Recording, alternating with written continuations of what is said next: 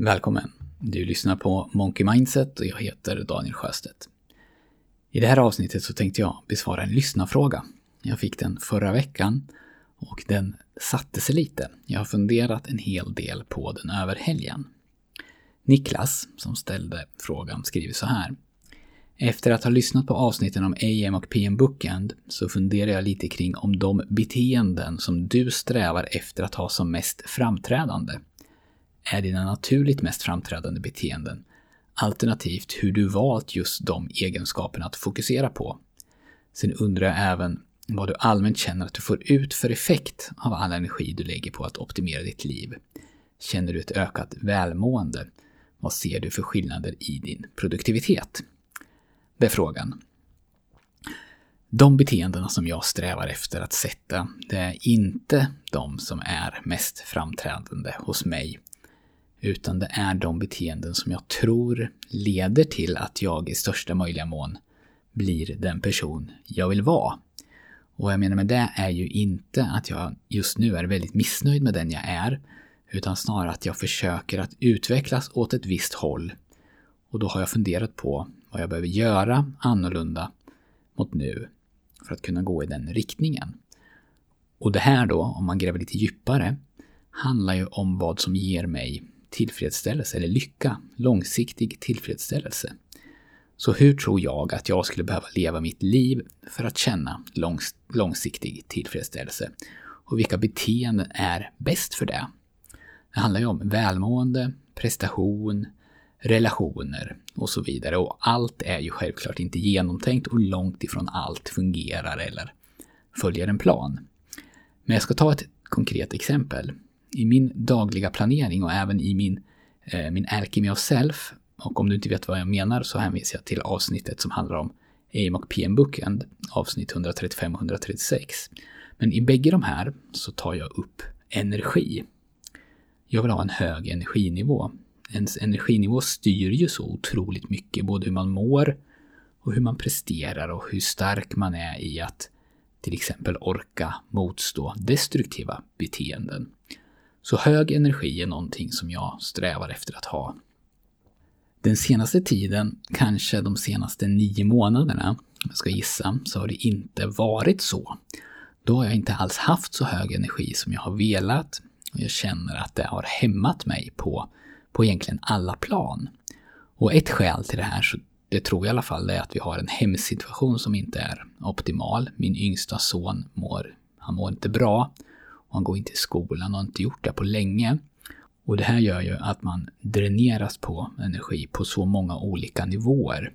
Det är det första man tänker på när man vaknar och det är det sista jag tänker på när jag går och lägger mig. Och det är det jag tänker på 90% av tiden däremellan också. Och det är ju otroligt förståeligt och naturligt att man inte orkar så mycket annat i en sån situation. Och då är det lätt hänt att man tänker att nu är vi i den här situationen, den tar all vår energi. Och så är det. Och jag tror nu, bäst jag säger det, jag tror att du förstår det, men låt mig bara vara övertydlig med att jag ger inga råd här eller pekpinnar till någon annan. Allas situationer är ju unika, utan jag försöker bara så rakt som möjligt beskriva hur jag, eller vi framförallt då, resonerar.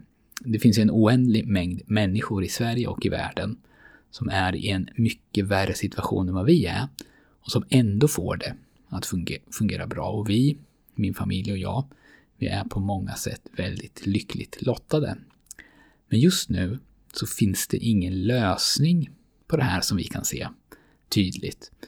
Så det är inte så att man kan tänka att om vi bara håller ut nu fram till det och det datumet så kommer det att ordna sig. Så hur kan vi då jobba med det vi har utifrån de förutsättningar som vi just nu inte vet hur vi kan förändra? Min fru Elin hon har ju också förstås dränerats.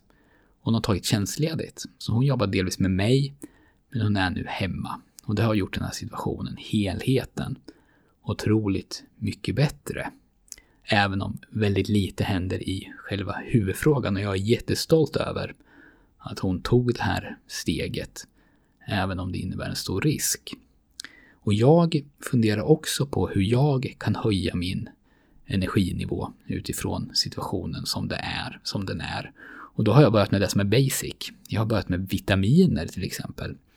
Bara för att jag ska kunna räkna bort någonting så eh, grundläggande som vitaminbrist. Och vi har också blivit mer noggranna med sömnen. Vi går och lägger oss så att vi nästan alltid vaknar utan väckarklocka. Och jag har också lagt om min träning så att den är mer regelbunden än förut men håller lägre intensitet. Så att jag inte ska ha låg energi för att kroppen fysiskt behöver vila och återhämta sig. Någonting som definitivt påverkar mig förut. Så oavsett om vi gör saker rätt eller inte så försöker vi att göra det bästa utifrån den situation vi befinner oss i och det betyder att vi utför vissa förutstämda beteenden som vi tror kommer att göra det bättre. För inte så många år sedan så hade jag nog lagt mer tid på att vara missnöjd med situationen, men inte så mycket tid på att försöka förändra den. Förändra det som jag kan förändra. Och igen då, det här handlar inte om vad jag tycker andra bör göra eller någonting sånt, utan det är bara en beskrivning av hur vi tänker. Och när jag lägger fram det så här också, med ett skrivet manus, så låter det ju kanske mer systematiserat och genomtänkt än vad det är. Eh, men vissa dagar går det bra och vissa dagar går det inte bra. Men den senaste månaden eller så, så är min energinivå definitivt högre än vad den har varit på länge. Så det är så som jag jobbar med en av de här punkterna som jag har i mina, min planering. Och mina naturliga beteenden, om jag ska fortsätta att svara på den frågan, det är att bara flyta med. Tyvärr. Så har det alltid varit för mig. Minsta motståndets lag. Vad är det minsta jag behöver göra för att klara mig? Jag behöver verkligen någon som ligger på mig. Om det bara är upp till mig själv så blir det inte mycket gjort. Och kanske är det därför då som jag är så intresserad av de här bitarna. För jag ser hur lite som blir gjort när jag låter mina naturliga beteenden styra. Och jag märker också hur frustrerande det är. Hur tråkigt det är att bli besviken på sig själv för att man inte gör det man hade bestämt. Eller den där tråkiga känslan av att man, att man har mer att ge, man har mer att bidra med. Men ens sanna potential kommer inte fram och det beror enbart på mig själv. Och jag har också då märkt hur mycket som kan bli gjort när jag lägger tid och energi på att planera och strukturera och använda de här teknikerna som jag pratar om i podden. Att vara brutal till exempel med sina prioriteringar. Att stänga av distraktioner och jobba helt fokuserat. Eller att utvärdera med jämna mellanrum. Eh, och att prioritera, prioritera om med intention när schemat faller istället för att bara låta det ske av sig självt. Och inte minst då, att ta sig tid för återhämtning, trots att det i stunden kanske inte känns som att jag har tid för det. Bara som exempel. De här sakerna, de kommer verkligen inte naturligt för mig, men när jag gör dem, när jag får dem gjorda, så känner jag högre livskvalitet och högre tillfredsställelse. Och när det funkar, vilket det ju inte alltid gör förstås, så ökar det min produktivitet, inte bara med 10 eller 20 procent, utan det kan handla om, om 100 procent, flera hundra procent. Och jag har också märkt, paradoxalt nog, att de här systemen, de är svårast att följa när de behövs som mest. När det är mycket att göra, eller när man är stressad eller trött, då tenderar jag att börja flyta med.